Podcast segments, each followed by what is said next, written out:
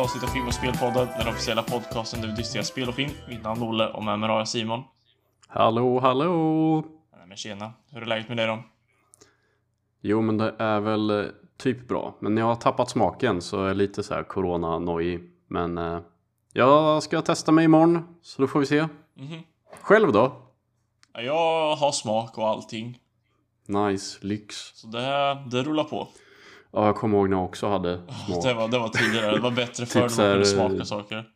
Typ så här tre dagar sedan, då, då levde man livet alltså. Ja, men eh, apropå eh, Corona, det är väl eh, bästa sättet att sammanfatta året 2020 på. Eh, och just nu, eh, när vi precis har rört oss in i året 2021, så tänker vi att det här avsnittet blickar tillbaka på 2020 och ranka eh, de filmer och spel vi har sett och spelat. Eh, men eftersom att vi insåg jag har nog varit lite mer flitig när det gäller att se filmer och du har varit lite mer flitig när det gäller att spela spel. Surprise! Så uh, delar vi upp det så jag rankar mina filmer och du rankar dina spel från 2020. Yes, så det här blir vår official eh, Game of the Year och Movie of the Year ceremony. Mhm. Movie Goovy, let's go. Mm, hämta champagnen, gör dig redo, nu kör vi. Ja, men uh, först.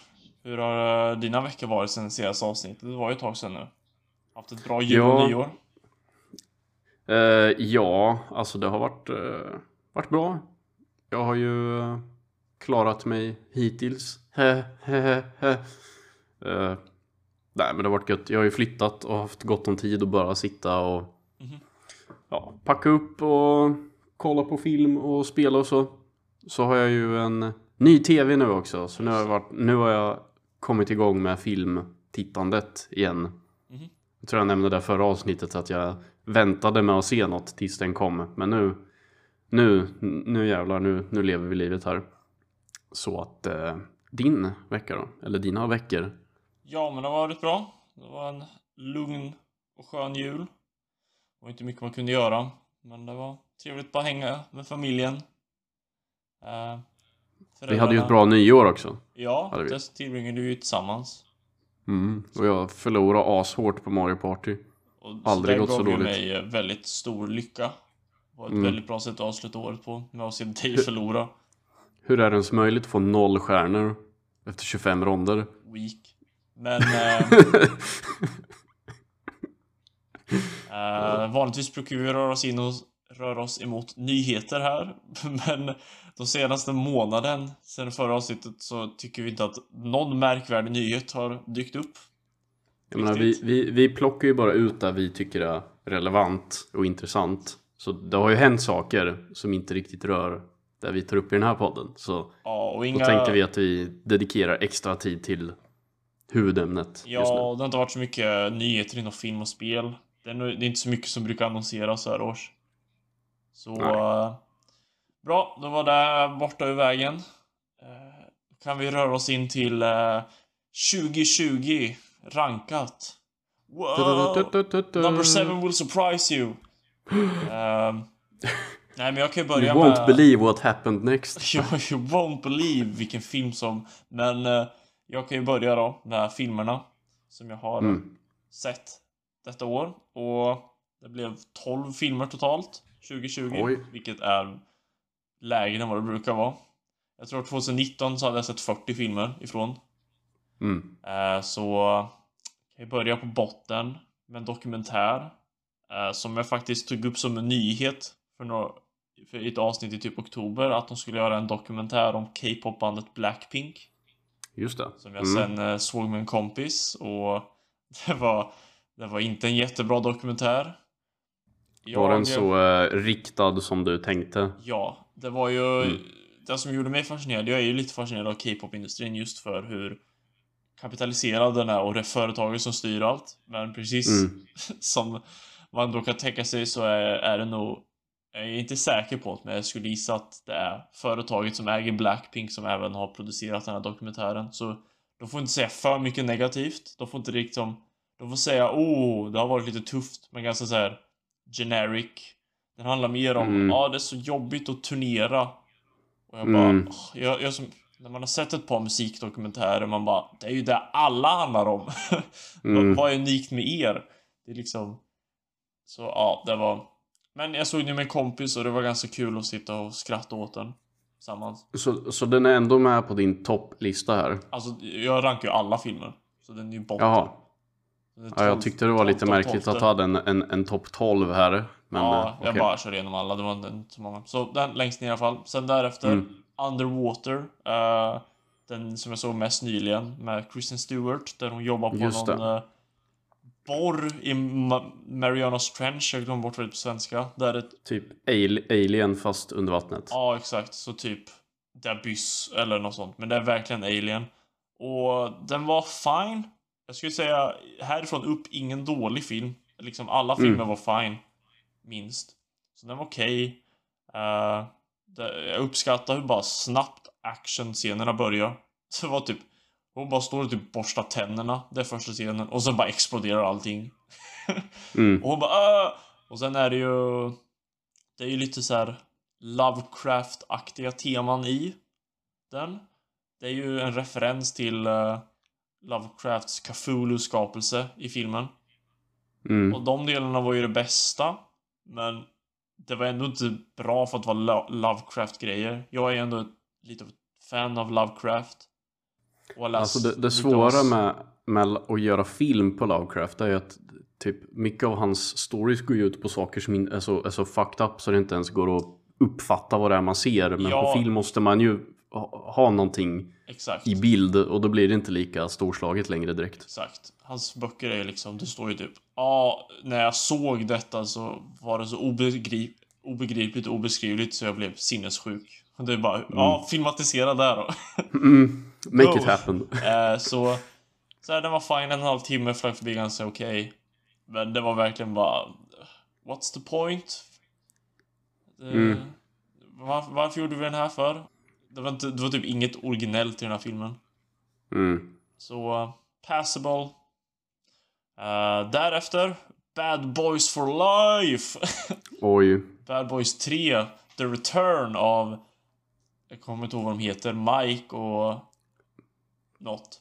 Eh, Jag, jag hörde att den var typ mycket bättre än den hade någon rätt att vara. det var den, alltså de gjorde det man bör göra när man gör en tredje film som kommer 15 år efter den filmen innan. Att liksom, den handlar om hur gamla de börjar bli.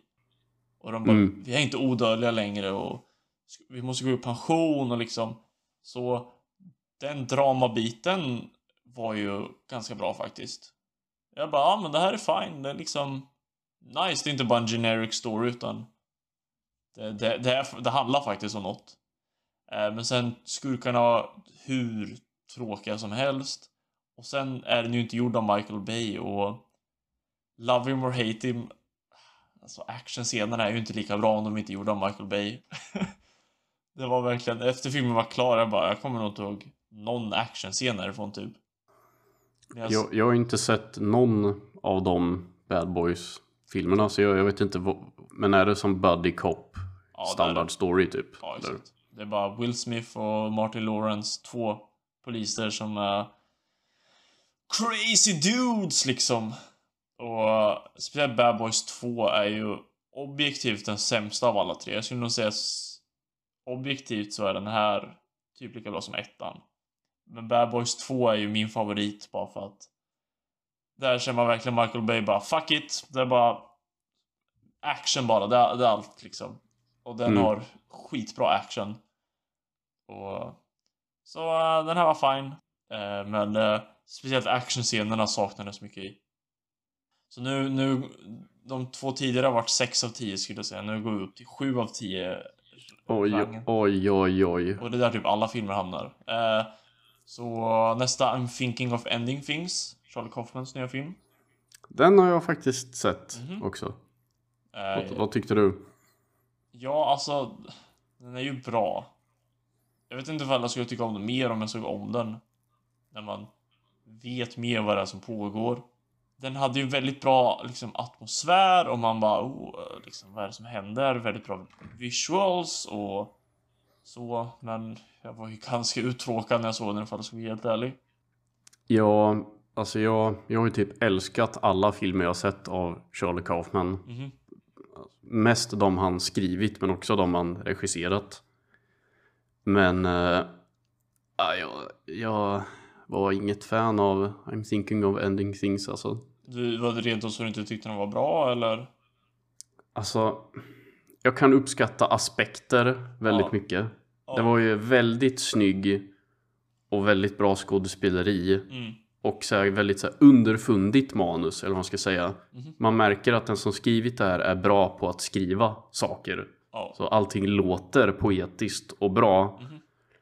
Men det kändes ju som man var på teater i tre timmar. Och jag är inget fan av teater. Nej. Så jag var ganska uttråkad faktiskt. Så tummen ner från mig. Ja, så det, det är ju frågan där vad... Ja, det är ju det som är svårt när man ska ranka eller liksom sätta ett betyg på en film också. Ska man gå på hur underhållen man var? För då är ju typ en film som Commando och Arnold Schwarzenegger en av de bästa filmerna som någonsin gjorts. Men den har ju absolut inget att säga. Mm. Sen finns det en sån här film som jag blev uttråkad av, men den har mycket att säga. Det är ju... Och jag, jag, jag värderar underhållning ganska mycket när jag ser en film. Det är det som gör filmer som Parasite bra. Den har mycket att säga och är jätteunderhållande. Ja, det är det som är utmaningen när man har lite mer djupare koncept man vill förmedla. Ja. Att väva in det på något sätt så det ändå är intressant och spännande liksom. Men sen, ibland blev den lite väl så här artsy när de bara ah, nu ska vi ha dansnummer. Och man bara... Ja, jag fattar väl vad den försöker visa men... eh, Det, det kändes som liksom vi vi ska göra lite, gå åt lite Twin Peaks hållet ja. då och då med mystiska karaktärer som dyker upp som inte är så begripliga i vad de menar. Och man, man vet inte om saker ska vara så bisarrt så det ska vara roligt eller om man ska ta allting bokstavligt och allvarligt hela tiden. Och så sitter man och bara, jag vet inte hur jag ska känna, jag vet inte hur jag ska tänka och det, det kanske liksom den är säkert svinbra för vissa personer som greppar det bättre än vad jag gjorde. ja jag kanske bara, vi kanske bara är små dumma pojkar som inte fattar vad fan den handlar om också. Mm. Så här, när, när ingen har hotat någon eller inget har sprängts på typ en timme då är det liksom, nej, jag orkar inte mer. Ja, fun fact. Jag räknade hur många explosioner det var i filmen. Noll. Så den Va? får noll av tio. Nej, men... Eh, jag kan röra mig vidare därifrån. Så nu är vi inne på åttonde platsen då. Så... eh, nu vi gick vi från Charlie Kaufman och nu går vi in på en annan känd manusförfattares nya film. Aaron Sorkins The Trial of the Chicago Seven. Uff. Han är Mm. ju eh, väldigt bra, Aaron Sorkin. Jag har skrivit ett och annat väldigt bra manus. Typ Social Network är väl hans bästa jobb. Ehm, så den här handlar om eh, Ja, typ några, på 60-70-talet där någonstans under Vietnamkriget så är det några vänsterfolk som håller protester i Chicago för de är emot kriget då. Och sen så Mm. hamnar de på rättegång för det. Och det är ju verkligen så här eh, Ar- Aaron Sorkin, all dialog bara snap, snap, snap, snap, snap. Allt går snabbt. Men eh, det är lite som, han har en rytm i språket som är nice. Men har han regisserat också? Ja, det har han. Jag glömde Mm. påpeka. Han har regisserat den också. Eh, och sen var den ju, som han sa, han har jobbat på den i många år, men den blev ju väldigt relevant just 2020. För den kom ju ut bara några månader efter alla protester skedde i USA. Eh, Mm. Till följd av Black Lives Matter-rörelsen och hur mycket polisen slår ner på det och så. Så det, det är ju liknande som hände i den här filmen, men uh, överlag, den var fine. Den var bra. Mm. Eh, men det är nog inget jag någonsin kommer se igen och jag känner nu här när jag försöker recappa vad som hände att jag inte riktigt kommer ihåg så mycket av filmen som jag trodde. Eh, Mm. Det, det känns som det of, ofta kan bli så när det blir så courtroom drama. Att man, man är inne i det när man ser det och man gillar det och tycker det är bra men de blir ganska lika. Det är liknande scener i alla de filmerna ofta. mhm, verkligen. Eh, så, den, Men jag har ju hört att den ska vara bra så alltså jag tyckte ju du så här, eh, ja men det är, det är en bra film helt enkelt. Bara, man kommer inte ångra att man har sett den. mm. Men det kommer inte lämna något större intryck. Ja. Uh, fan, jag borde lagt den på plats sju. Då hade det varit of Chicago 7. Ah, whatever. Nu är det plats sju. The Invisible Man, som vi har pratat om. Jag tror vi pratade om den i typ ett av de första avsnitten. Mm. Eh, och den var ju typ en av de första filmerna jag såg efter all, all biofilm bara försvann. Eh, så hyrde jag ju den på SF Anytime. Och den var ju riktigt bra. Vi har ju pratat om den då. Mm. Så om man vill höra ännu mer så finns det väl säkert där. Men den var ju bra. Också så här... eh, för jag såg eh, Dracula Untold igår. Eh, och det kommer bli relevant snart. Och det är ju Universals försök till att så här återskapa eh, sina monsterfilmer från 30-talet som de gjorde då. Eh, Mm. så, som sen också åt, ja. Så de försökte ju med Dracula Untold och den var ju lame AF. Eh, och sen försökte de med The Mummy som jag inte har sett med Tom Cruise, men jag, den har ju blivit ett meme över hur dålig den är. Mm. Och det här är ju också, The Invisible Man är ju en av de där monstren från 30-talet som de har. Så den är ju egentligen ett nytt försök att göra det. Det kändes ju som den var doomed to fail. Exakt. Men eh, på Den- något jävla vänster så är gick det. den bra. Mm. Det är liksom en bra film. Den är... Jag tycker inte slutet var jättebra eller liksom... Och andra halvan blev det lite väl... Så, ja. Man, man behövde suspenda disbelief ganska mycket till vad skurken kunde göra. Men Mm. all tension innan där. När de bara går runt i huset och man bara, är det någon där eller inte? Det var riktigt välgjort. Alltså jag, jag gillar att, att den var ganska, den var ganska simpel. Liksom. Den, den var inte så mycket mer än den, den borde vara. De skalar ner det liksom rätt mycket. Ja, de vet att liksom ibland, eh, det viktiga är där du inte visar. Att om en karaktär står och de liksom är i ett rum och du, du filmar väldigt mycket tomt utrymme bredvid dem. Eller fokuset är inte på dem utan på bakgrunden. Det är liksom, du behöver inte göra mer än det för att implya att något är där. Eh, Mm. Vilket var väldigt snyggt gjort.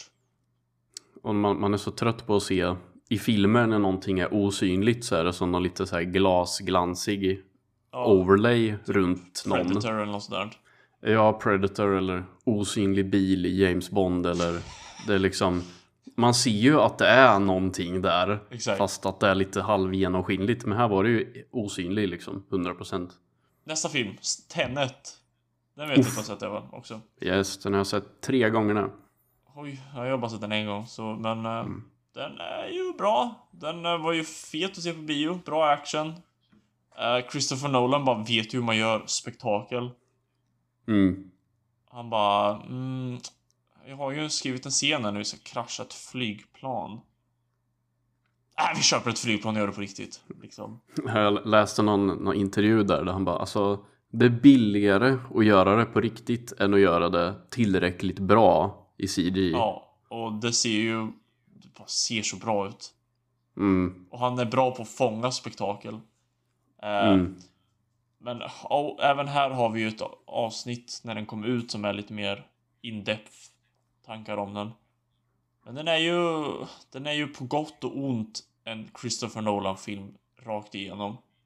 Det är Ja. Christopher Nolan crank to 11 liksom Och alla fördelar och alla nackdelar med Nolan-film får man med den här filmen. Man får ju att man inte bryr sig ett skit om karaktärerna. Och allt... Det, det enda karaktärerna säger till varandra är exposition. Och Mm. majoriteten av scenerna är för att han har så mycket idéer så majoriteten av alla scener är bara karaktärer som går och berättar vad storyn är till varandra typ. Ja, det, det känns som han har liksom lagt fram Jag vill ha den här sjuka actionscenen och den och den och Sen har de suttit och bara okej, då måste de här replikerna vara med Ja. mellan scenerna För att täcka massa plottgrejer liksom Så eh, den, var, den, var, den är bra är den. Och jag såg den ju på bio och den är en riktigt nice biofilm. mm. Eh, men, ja, den. jag, jag var ju lite så här 50-50 om det skulle bli bättre eller sämre när man ser om den Mhm.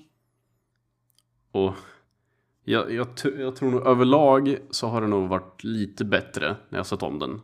För det, det mesta plottmässigt alltså stämmer ju ändå när man för det är ju att scener går framåt och bakåt samtidigt och då är det ju rätt gött att kunna se om vissa scener Ja, för att se vad fan var det som hände där. Ja, Och då, alla de bitarna har ändå varit så här, ja ah, men okej, nu, nu hänger jag med liksom. Så man, man fattar bättre när man ser om den. Men speciellt... vissa eh, plottgrejer är ju bara så här. Ah, det där vet fan. det är ju någon scen eh, på en motorväg när de håller på att kasta någon portfölj eller något. Mm. Det hängde jag inte alls med på. Nej, det är verkligen så här. Blink bara- and you'll miss it. Han bara, här är den. Jag bara, va? När hamnar den där? Och sen slutet. När de bara, we're gonna make a pincher maneuver. Ni går framåt, ni går bakåt. Mm. Och jag bara, ja, ja, jag fattar ju konceptet av det, men... Det känns som att... Jag vet inte. Och det, det är en scen när de ska försöka bara förklara så att man inte är förvirrad. Men den är så jävla rapid fire info som man ändå blir bara äh, äh. Och den gjorde Hjälp. något av det värsta så här typ film kan göra är att när de måste stoppa skurken i slutet, de bara vi måste göra den här saken. Och jag fattar inte vad var de skulle göra eller varför. Och, Mm. och det gör det omöjligt att veta. Är de nära att uppnå det nu? Går det bra? Går det dåligt? Men de har ju en timer, de kollar ju på klockan ibland. Ja, ah, just det. Men... Eh, ah, ja! Så jag vet inte, jag blev Mm. lite besviken av dem för jag hade jättehöga förväntningar. Men Mm. bra. Eh, däröver, The Gentleman, Guy Ritchies nya film. Just det. eh, som kom ut precis i början av året. Jag behövde dubbelkolla för den hade premiär på festivaler 2019, men den hade premiär på biograferna först i januari, så den är 2020-film. Mm. Eh, och den är ju lite mer, han har ju gjort massa jävla skitfilmer i Hollywood som typ Aladdin och King Arthur och sånt. Ja, fan har... Vilken hack han har blivit. Ja, han bara sold out. Han bara, ah, Disney bara kom en dump truck of money och bad mig göra Aladdin. Han kommer säkert göra en Star Warsen som alla andra. Ja, det är trenden just nu. Det är liksom, det är in att göra Star Wars. Men fall, så han, det här är lite mer back to form, lite mer snatch, lockstock to smoke...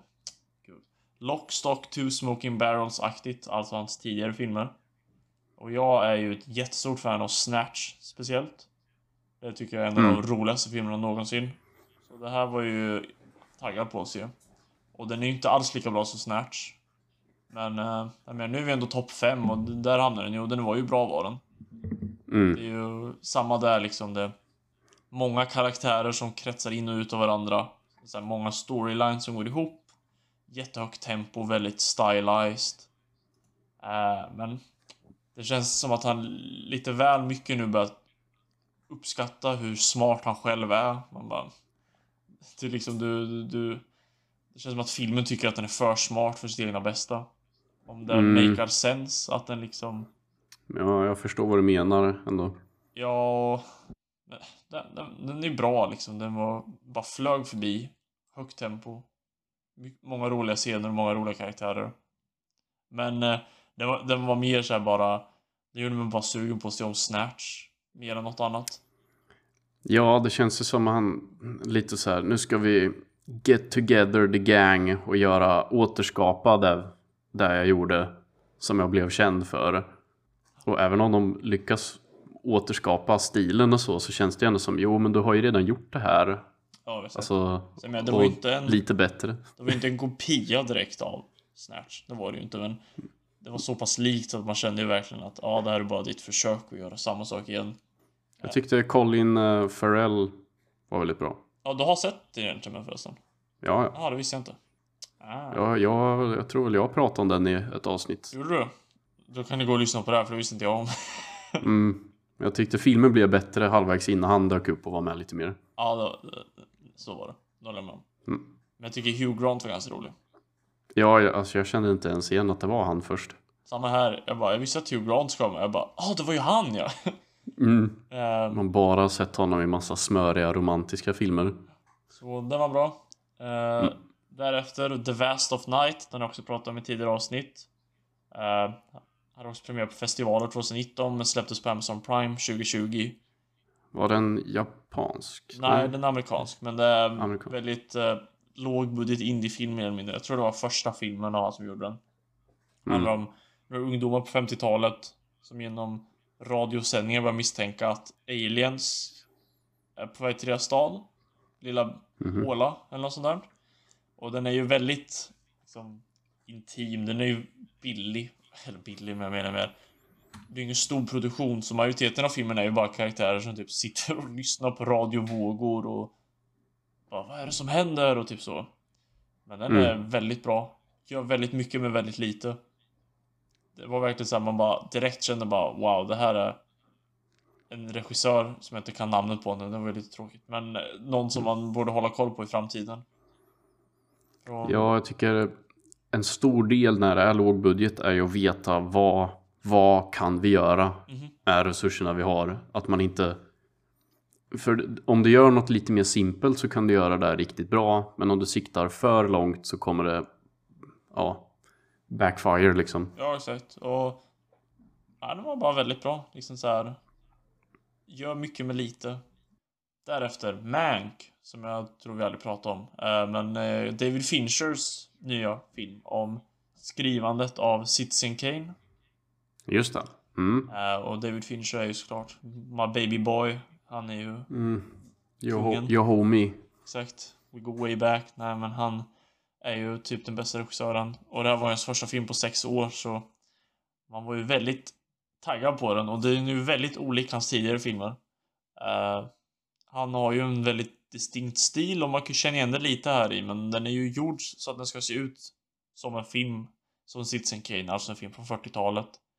Så såklart svartvitt, men också fotot de använder, vinklarna. Och mono-ljud. Ja, det tänkte jag inte ens på. Och sen musiken och gjord av Trent Reznor och Atticus Ross. eh, as usual.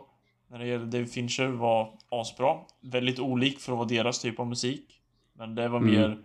Så det var imponerande ännu mer. Det var bra musik och de gjorde det helt annorlunda än de brukar göra. Eh, men den var bara bra. Den var... Också inte hans bästa på något sätt alls, skulle jag inte säga. Men... Ja, Jag, jag såg den också nyligen. Jag tyckte den var jävligt bra. Men det, det är också så här, alltså jag, jag har inte gått och tänkt på den jättemycket efteråt. Men när man satt och såg den så flög den ju verkligen förbi. Mm. Och jag, jag, alltså den kändes ju verkligen som att den hade kunnat vara gjord då. Ja, verkligen.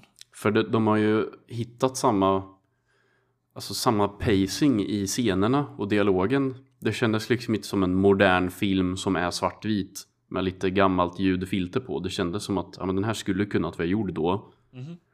Och för mycket i så äldre filmer som jag gillar är just dialogen. Att det är så himla Rappt. det är så himla rappt och välvalda ord hela tiden. Och de är så här, snabba comebacks och de respondar på det de säger med så här, fyndiga ordval hela tiden. Och dels, dels är det kul att titta på sånt och sen passar det ju filmen för att huvudpersonen är typ en av världens bästa manusförfattare. Så det är ju logiskt att han skulle vara väldigt flink med sina ordval hela tiden. Mhm. Så äh, jag, jag, tycker, jag tyckte det var en, en blast. Ja, det var nice. Alltså också där du sa att den det känns verkligen som att den är från 40-talet, men den känns ännu inte omodern.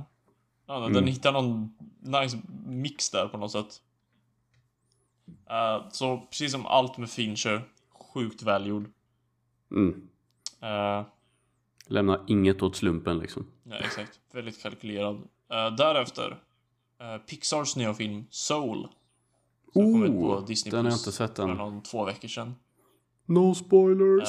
Så jag tycker ju som många andra att Pixar sjunkit lite på sistone. Jag tycker ju... ska vi se här. Toy Story 3 var skitbra. Det mm. kom ut 2010 och det var nog senast jag skulle kalla deras film skitbra. Eh, de har släppt några fine filmer sedan dess. Och den här var... var inte riktigt Toy Story 3 nivå men den var riktigt bra var den. Var den bättre än Inside Out? Ja, det skulle jag säga. Men... Det är väl lite liknande Ja. stil typ. Eh, och den är ju... Den är ju som du säger liknande i att Inside Out försöker på något sätt visa känslor. Och den här försöker visa då ja, själar, eller vad man säger. Men ett problem jag tycker både den här och Inside Out har är all lore och worldbuilding och man bara chilla. Hur mycket måste ni förklara om den här världen? Och de bara Inside Out är typ, alltså minnen, de är antingen glada eller ledsna och ibland kan de vara både och och sen måste man göra så här och man bara checkar ut typ. Och det var Mm. samma här, så här soul, man bara ah, själar, de kommer till jorden så här men man måste få ett earth pass och sen måste man göra så här men ibland kan man komma den här vägen och sen själar kan bli borttappade ibland hamnar man lite zone. Och jag bara så det är så Och- mycket regler och worldbuilding och jag bara, oh, jag bryr mig inte. Det, det känns som det är alltså lite, lite, lite puns de försöker väva in i storyn. Som en lost soul är ju en grej man kan säga Ja, som ett uttryck. Och samma med Inside Out, jag kommer inte ihåg riktigt. Men det var också så här lite puns typ. A train of thought. mm, Så bara, ah, vi kan ha ett tåg med tankar typ. Eller, ja, jag, jag kommer inte ihåg, men det var en massa så olika realms och världar de gick. Så man bara så här, hahaha, det var ju fyndigt typ. Men, ja. Den här den handlar ju om att det är någon jazzmusiker i USA som typ dör. Och sen på väg upp i efterlivet då. Eh, och sen han bara, nej jag vill inte dö, så han bara flyr. Och då hamnar han... denied. Ja exakt, han bara eh, Ajt, I'm head out, jag skippar det här med att dö, men då hamnar han typ Ja, det här man bara självärlden eller något I guess. Eh, Mm.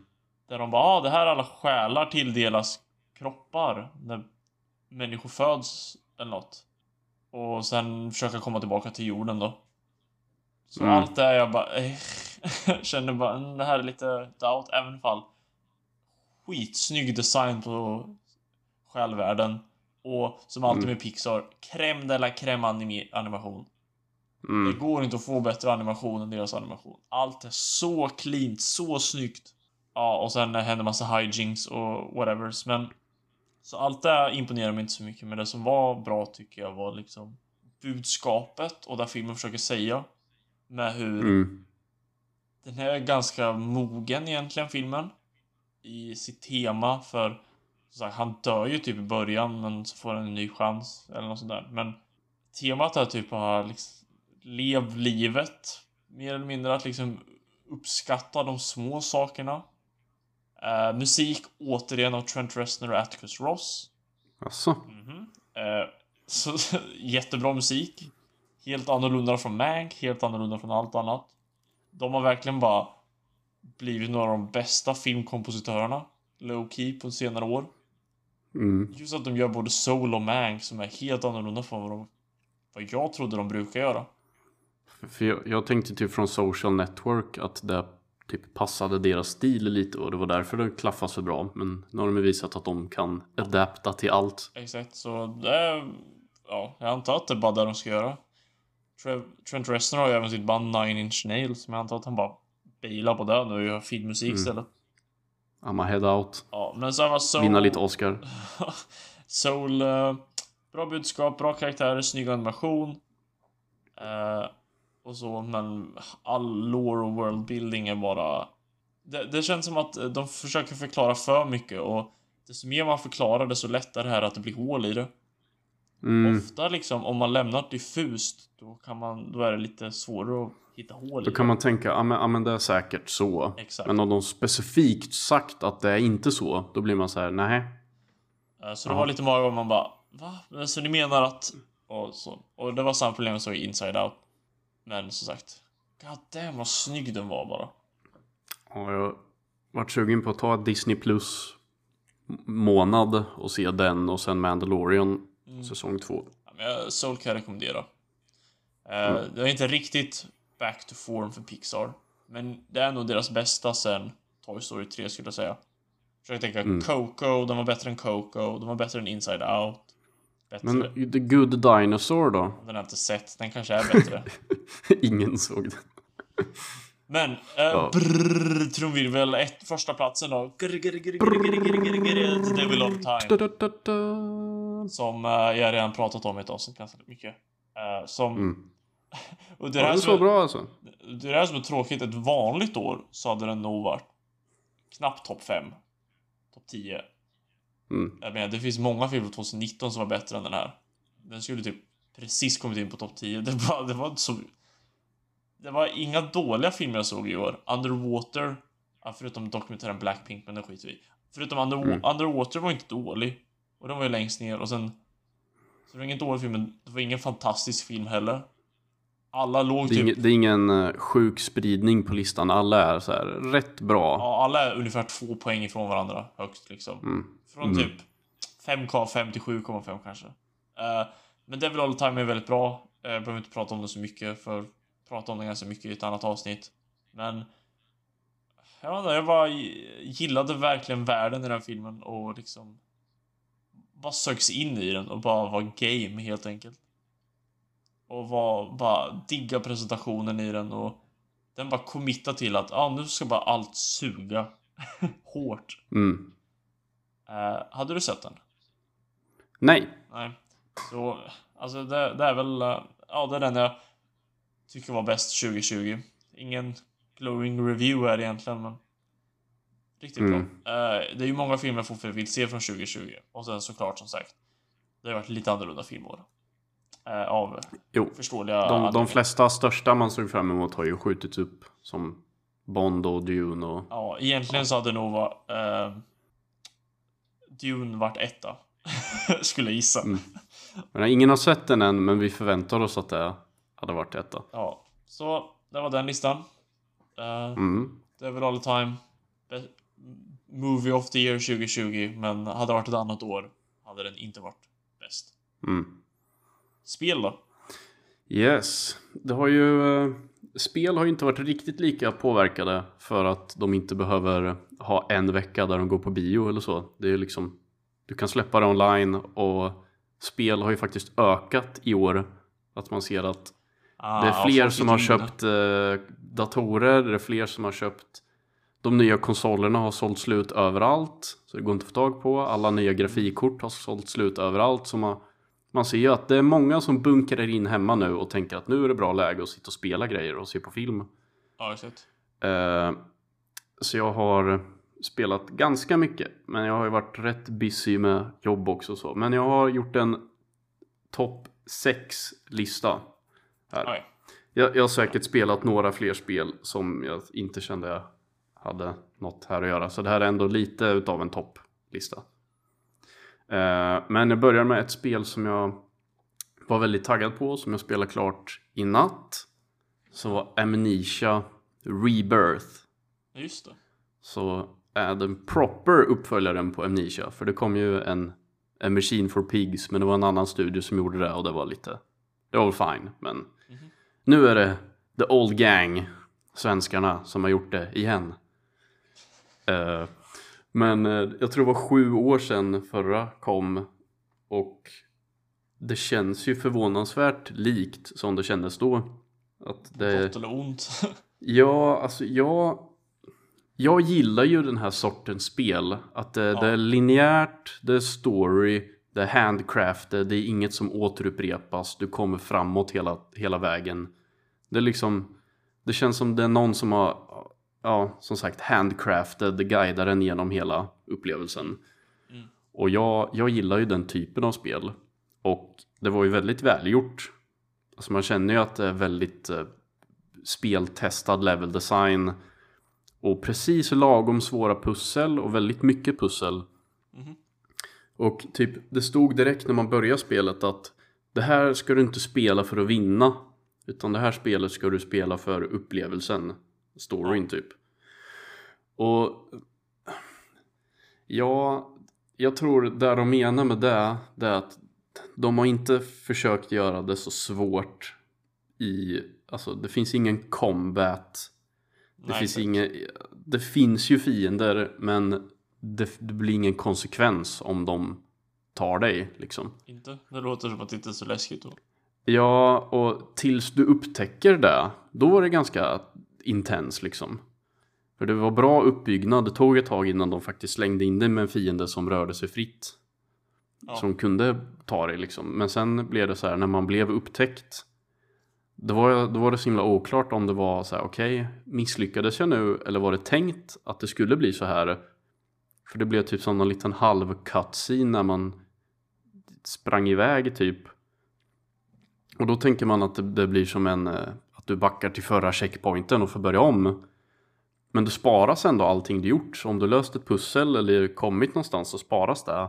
Och ofta när du respanar så var monstret borta. Eller du hade, de hade spanat dig på rätt sida av en labyrint du försökte ta dig igenom. Så du bara skippade den typ. Mm. Och... Alltså, men det är ju liksom hela poängen här att man ska vara rädd för att dö. Ja, så det var, det var väl det att det, var- det var ju intens och jävligt bra design och jävligt snyggt eh, ljuddesign och musik och jävligt bra atmosfär. Men det är just när man, man känner att det blir nästan en fördel att bli tagen för att då kommer du framåt snabbare. Mm. Så blir det lite, och det var väl det de menar med att men, tänk inte på att vinna och förlora utan bara försök att bli immersed i upplevelsen. Men jag tycker inte det är mitt jobb att bli det. Jag tycker det är deras jobb Nej, att få mig att bli immersed. En developer ska aldrig säga bara upplev vår produkt på det här sättet, utan det är produkten Mm. ska ju tala för sig själv. Så, men det var, jag tror jag blev till, alltså, fångad kanske tre, fyra gånger i hela spelet så det var ingen stor grej. Men... Men Inte heller så... Man vill... Tanken är väl att man ska bli fångad många gånger. ja, typ om man jämför liksom. med M921 är det liksom, blir du fångad så dödar de dig och du får börja om. Du kommer inte vidare om du inte tar dig förbi de här liksom. Mhm. Så det var väl största nackdelen, men annars så det var ju bra story. Jag tror nog jag gillar storyn bättre i det här än i ettan. För det var lite mer, lite mer tydligt vad det är som händer och jag kände jag brydde mig mer om huvudpersonen. Mhm. Eh, sen, det var alltså ganska snygg art style. Men grafiken i sig känns ju lite lågbudget. Och det är väl för att det är lite lågbudget liksom. Mm. Och de, de har sagt i intervjuer också att vi, vi vill ju att våra spel ska se bra ut. Men vi lägger ju hellre mer effort på annat än att pusha grafiken där vi inte egentligen har råd med det typ. Ja, det tycker jag ändå är rätt mentalitet. Men... Så det såg eh, rätt bra ut, var lite halvdåligt optimerat. Men eh, det kostar bara 300 spänn nytt också, så det är ju inte full price. Så då, då är man mer fine med att man förväntar sig inte triple A grafisk kvalitet på allt Nej. liksom. Men eh, ja, jag tyckte det var bra. Det hade ju kunnat vara lite läskigare. Eh, men ja, bra pussel. Så overall väldigt bra. Mhm. Eh, moving on till nummer fem. Som var ett VR-spel. Uh, What? what? Eh, Det första av många antar jag. Det första av fem stycken kanske. ja, exakt. Eh, nej, men jag nämnde förut The Room VR. Just det. Som inte är någonting om filmen The Room tyvärr. Nej, men, jag blev eh, lite besviken när jag fick lära mig. Ja. Men det var också pussel. Fast här, The Room VR var enbart pussel. I, ing, Ja. liksom, ingen combat, ingen, du rör dig inte fram och tillbaks. Det är liksom som en puzzlebox-spel typ. Okej. Eh, Men det var förvånansvärt bra och jävligt snyggt och bra production value och bra pussel. Man fick verkligen tänka och vrida och vända på saker liksom. Så eh, det var en... Bäst av allt, det var VR. Exakt. Nej men det, det var en lite sleeper hit för jag hade ju inte några förväntningar på det. Så det var väl därför det kom med på topplistan för att Ja, det är sant. Förväntningar spelar en stor roll. Det var liksom, jag köpte det på någon sån här VR-rea bland massa andra random VR-spel och bara, ja men vi provar den här då och sen körde igenom hela i ett streck med, med en kompis och vi båda tyckte det var skitbra. Så tumme upp för det. Det var ju ganska simpelt, inte jättelångt men jag kan ju inte se hur de hade kunnat göra det bättre. Så Nej. tumme upp för det. Eh, nummer fyra har vi Death Stranding Just det. som eh, egentligen släpptes 2019 men PC-versionen släpptes 2020. Och jag tycker då, då kan jag räkna det typ ändå. Eh, och, Nej, det, nej, det går inte. Jag, jag, jag bailar. Ja, okej vi stryker det liksom. Jag går ifrån nu. Mm. Jag, jag, jag, om du ska göra så, nej, då, nej, då jag inte. Du ska vara glad att jag tog bort Halo 3 från listan som jag hade först. Ja, det påpekar jag att... Eh, sure, det kom ut till PC i år, men... Tekniskt sett så, ja. Men eh, det, jag, jag är fine med ifall det var 2019 och sen till 2020. Men Mm. Steam Awards vann ju Red Dead Redemption 2. the Mm. Game of the Year och det kom ut 2018. Så, ja. Men Mm. när det är Halo 3 som kom ut 2006 då... Pushing it. Ja, men det var Death Stranding. Mm, eh, jag, jag var ju väldigt taggad på det och liksom försökt att inte läsa om det så mycket för det verkar det var så kryptiska trailers och fram till spelet släpptes var ju alla så här, vad, vad är det för spel? Vad gör man i spelet? Allt ser jävligt coolt ut och jag vill ha det men jag vet inte ens vad det är för genre typ. Nej. Och ja, det var ju galet snyggt och coolt allting. Var liksom, man kör introt och det är liksom above and beyond Hollywood blockbuster kvalitet på allt liksom. Mhm. Och man bara, åh jävlar vad, åh fan vad coolt allt är. Och man vill bara se mer för det är så coola koncept. Som, ja, det är, det är ju en postapokalyptisk värld. Där det regnar ibland och allting som träffas av det här regnet åldras snabbt. Så de kallar det för Mm. timefall. Så alla är så här, måste skydda sig från regnet så de inte ja, åldras så de dör typ. Så när det regnar då ser man hur det växer upp saker runt omkring en som vissnar och dör i real time typ. Gosh, det låter fett häftigt ändå. Ja, och man bara åh jävlar. Och sen är det som så osynliga fiender som lämnar som handavtryck när de jagar en. Som man måste smyga förbi. Och han har en bebis fastkopplad på magen. som man måste ta hand om ibland. om den blir stressad. Så Eh, mycket idéer helt enkelt. Ja, det liksom typ han Hideo Kojima som gjort spelet, han bara Alltså jag förstår att alla vill jobba med honom för han, han, han typ drar till någon känd person och pitchar en ascool idé och alla bara åh jävlar, jag sign me up. Jag behöver inte veta mer, jag vill vara med liksom.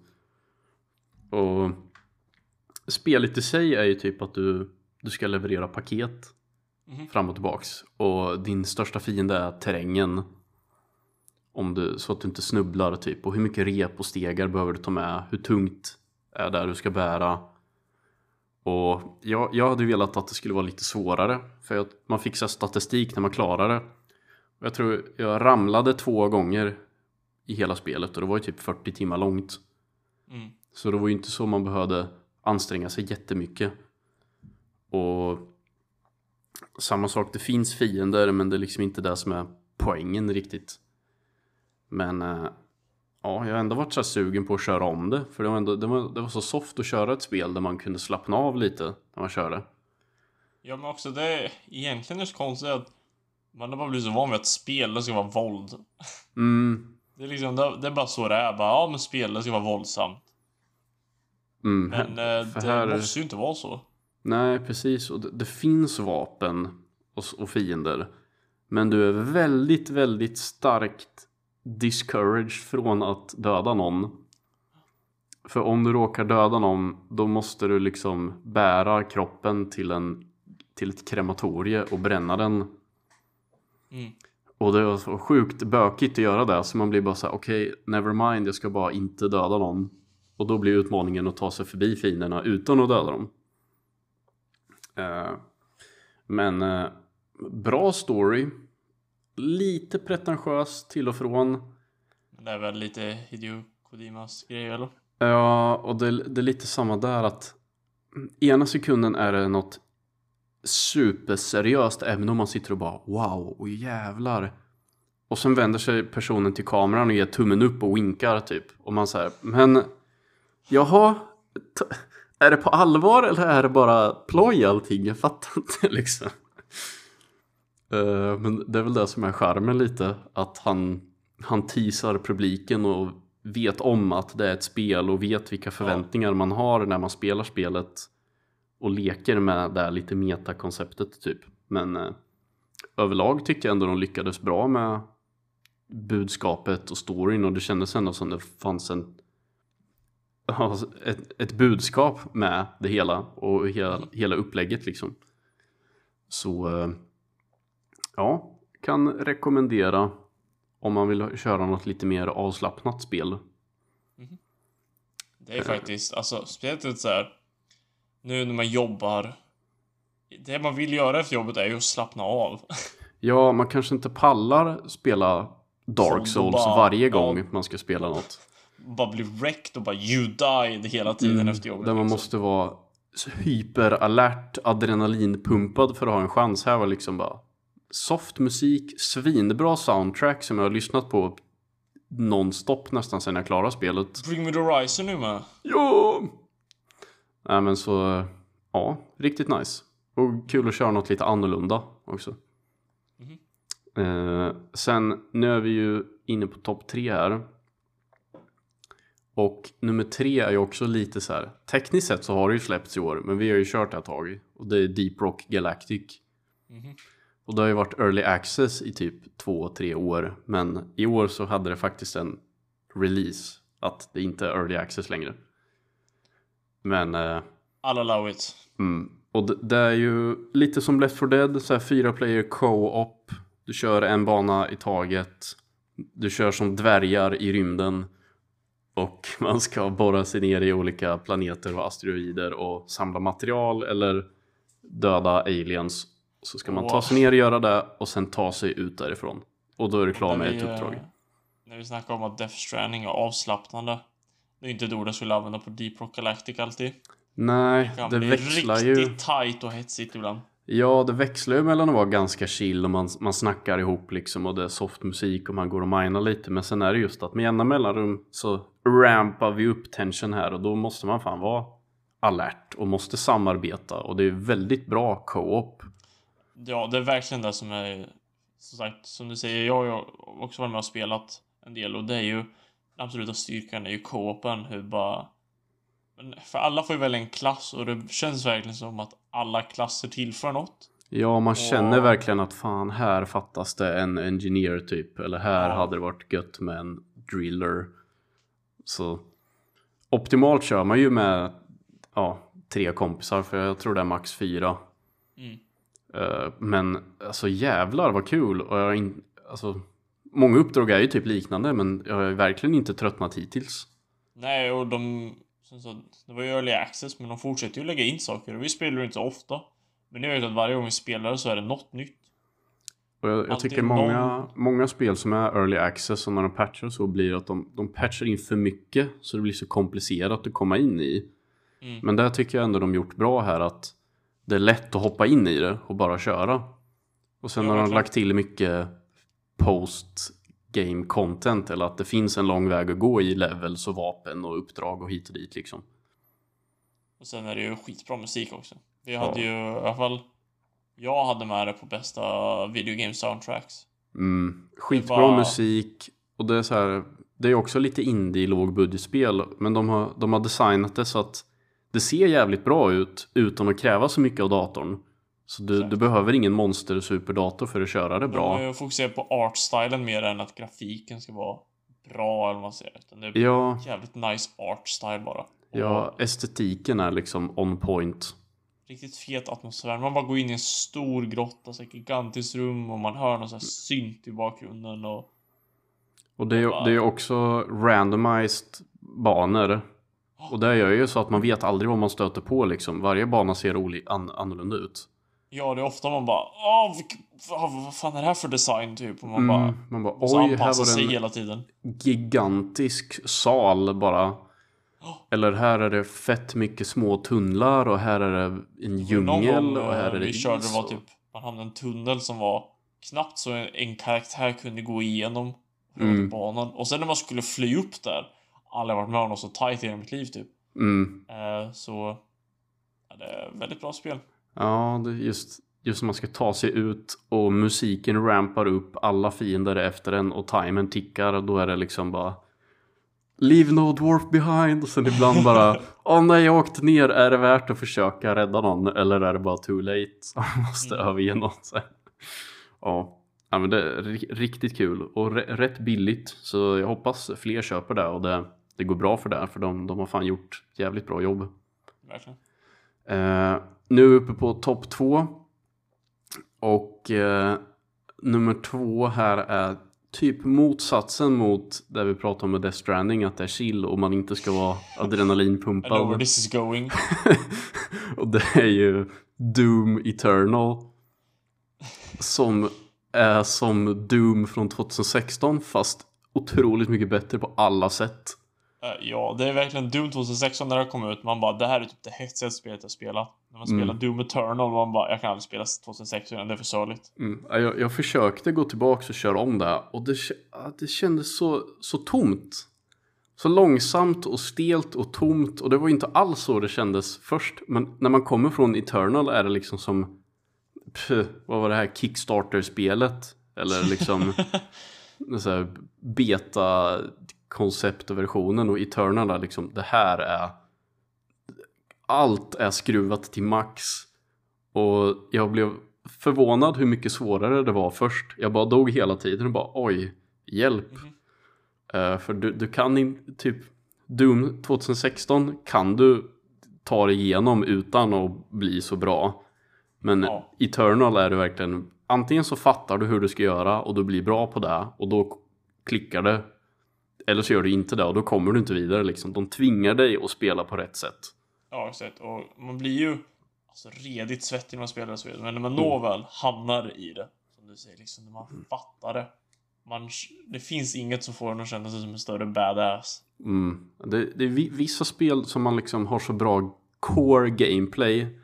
Så det spelar ingen roll vad storyn är, det spelar ingen roll vilken bana det är. Du kan hoppa in på vart som helst i mitten av spelet och bara ha en good time direkt. Ja. Och det, det är ett av de spelen. Det typ, Och jag sen- tycker så om Skate 3 eller Mirror's Edge också. Det är liksom bara god känsla att hålla i kontrollen och spela liksom. Mm. Och ja, soundtracket Okej musik också. Oh my god. Hjälp. Alltså, man tyckte soundtracket på förra var bra och det här bara, ja, ännu bättre typ. Det är verkligen typ inget som inte blivit bättre i tvåan. Ja, det är typ bättre optimerat, bättre grafik, ja, bättre level design och ja, jävlar vad bra. Det, Så- det är så skönt när man är hype på ett spel och det överträffar ens förväntningar. Mm. Så nu, nu sitter jag och väntar på att de ska släppa all... De har släppt del 1 på DLC-kampanjen. Men det känns som då man kan lika gärna vänta tills de släppt del 2 också och spela igenom det. Men eh, ja, alltså jag, jag vet inte vad de kan vad de kan lägga till. Alltså ja, innan det blir för, för mycket liksom. Det, det känns som man pushas till the brink sista banorna i Eternal. Men jävlar vad kul alltså. Det är få spel där man har så roligt bara av att sitta och spela. Mhm. Så, mm, yes, rekommenderas starkt. Men, Men nu till nummer ett då. och Eh, apropå förväntningar. ja, um, how about typ 13 år med hype? uh, men det är Half-Life Alyx. Som, eh, ja, jag var ganska hype på det kan man säga. Jag tror jag... Ja, du gick och köpte ett VR-headset för 10 000 spänn typ för att spela. Ja, ja, ja, i princip. Och även om det bara hade funnits det här spelet hade jag nog ändå lagt de pengarna för att spela det. För det var liksom, jag måste spela det. Mm. Och det, det är inte så många spel som är så. Det är typ om de släpper ett nytt Zelda. Ja, Liksom, vi- vissa spel är man så fan av så man bara, jag måste ha det. typ GTA för mig. Ja, det, liksom, det spelar ingen roll om du GTA behöver 6, köpa ett... jag köper en ny konsol för det. Ja, exakt. Det är 5 liksom... 000 spänn, jag har gjort. Det blir så här, ah, ah, nu, måste jag, nu måste jag köpa det också så jag kan spela det liksom. Ja. Eh, men ja, Valve är typ bäst i världen på att göra spel. Nästan. Jag bara älskar typ allt de gör. Half-Life 1, Half-Life 2, Portal, Left 4 Dead, Dota, Count. Alltså de, när de släpper ett spel är det liksom en stor grej. Ja. Eh, och det här är ju första liksom single player spelet de släppt sen Portal 2 från typ, jag vet inte när det där kom, 2000 Så 13 eller något tror jag. Ja, någon, någon, något sånt. Och sen var VR exclusive. Och man bara okej, yes, jag har varit sugen på VR skitlänge. Och de bara, ja vi har gjort ett eget headset till det här spelet. Som ska funka extra bra på typ. Och du får med Half-Life när du köper det. Jag bara, okej. Take my Och sen- money, okej. Och så sålde det slut direkt. Kom Just inte in på lager på typ ett halvår. Och jag bara pre spammar pre-order-knappen eller bara så här få en så fort jag kan. Och sen var det ändå tio veckor väntetid innan jag fick det. Och sen var det bara... Ihåg eh, oh tiden innan du fick ditt VR-headset. Och jag sa hela tiden, du bara 12 veckor. Mm, 10 veckor. åtta! Bye. Ja men det var verkligen du bara, ja nu står det 7 veckor till att det kommer. Mm. Nej men och... Ja, alltså det är ju typ coolaste spelupplevelsen jag har haft ever. Oj. Alltså, ja, det var ju, var ju värt pengarna. Men eh, ja, jag- visade ju någon liten snutt när du var med och pratade om varför jag älskar de spelen. Och det är för att jag har ald- aldrig varit med om så bra level design som Valve gör. Allt, De- allt är ja. så jävla fruktansvärt genomtänkt och speltestat så de vet exakt vart man tittar och hur man tänker och vad man känner och har designat för det. Mhm. Så det, det är aldrig svårt att fatta vart man ska och alla pussel är typ helt flawless svåra. Och just när det är VR så vill de göra ett VR-spel som är ändå rätt lätt att plocka upp och köra. Så de, det finns ju andra VR-spel som pushar det längre som Boneworks typ där du kan plocka upp och interakta med ännu fler grejer och du har en kropp i spelet. Och, Mhm. Men alltså Half-Life är ju så sjukt mycket mer polished. Och ja, production value på unlimited money som de har spenderat på de här spelen. Ja, de har ju that Steam Cash att lägga på det. Ja, liksom det är typ enda bolaget som kan fortfarande gå plus utan att släppa ett spel på typ fem år. Ja, De kan bara sitta och researcha VR hur länge de vill och sen släppa något när de känner att de har något bra att släppa liksom. Och... Eh, ja, nej shit. Slu, slutet, liksom... Jag bara tappade bort tiden, typ glömde bort vart jag var och vad jag gjorde och bara levde mig in i den världen. Amnesia typ. Ja, och sen jag bara körde i typ fem timmar i sträck och typ tänkte inte på om jag var törstig eller hungrig eller behövde gå på toa eller någonting. Jag var bara så här, nu, nu är vi inne i det. Ja. Och sen efteråt man bara tar av sig headsetet bara sitter i mitten av rummet på golvet och bara wow. bara processar allt som hänt. Man bara åh jävlar. och enda man känner är ge mig mer nu. Men det blir typ den typen av moment där du kan, du kan dela upp ditt liv i två faser. Ditt liv innan du spelar Half-Life Alyx och ditt liv efter du spelar Half-Life Alyx. ja. Det var Exakt. liksom, du är inte samma person längre. Mm. Det var en, eh, liksom i din character development arc var det här ett defining moment. Mm. En, enda nackdelen med, med Half-Life Alyx det var att jag kan ju typ inte spela något annat liknande VR-spel efter det, för det är inte lika bra. Jag känner att du var lite mer positiv till din första spel var till min, var till min första film. du bara, ah, andra år hade det nog inte varit med, men Det här är, det här är bästa spelet du har spelat sen, eh, vadå? oj, ja, jag, 23 typ? 2015 det här var- någonstans. Ja, jag vet inte. Jag, alltså Witcher 3 är nog ett bättre spel egentligen, men min spelupplevelse var ju bättre med Half-Life Alyx. Ja, men ändå det är liksom, det här är bästa året. Bästa spelet på år i alla fall. Ja. Och sen Visst, om, om, om man skippar liksom hela grejen med att det är ett nytt VR-headset och jag har varit hype på det och jag har varit hype på Half-Life. Om man kollar mer på objektivt på hur är spelet i sig så är det, det är ju ändå jävligt bra men det fan, finns ju ändå vissa saker man tycker de hade kunnat ta lite längre.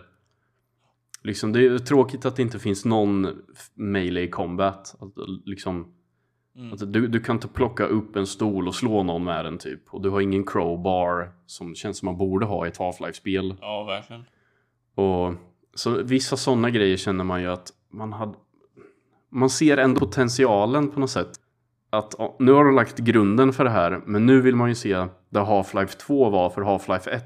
Vill man ju se för Half-Life Alyx nu.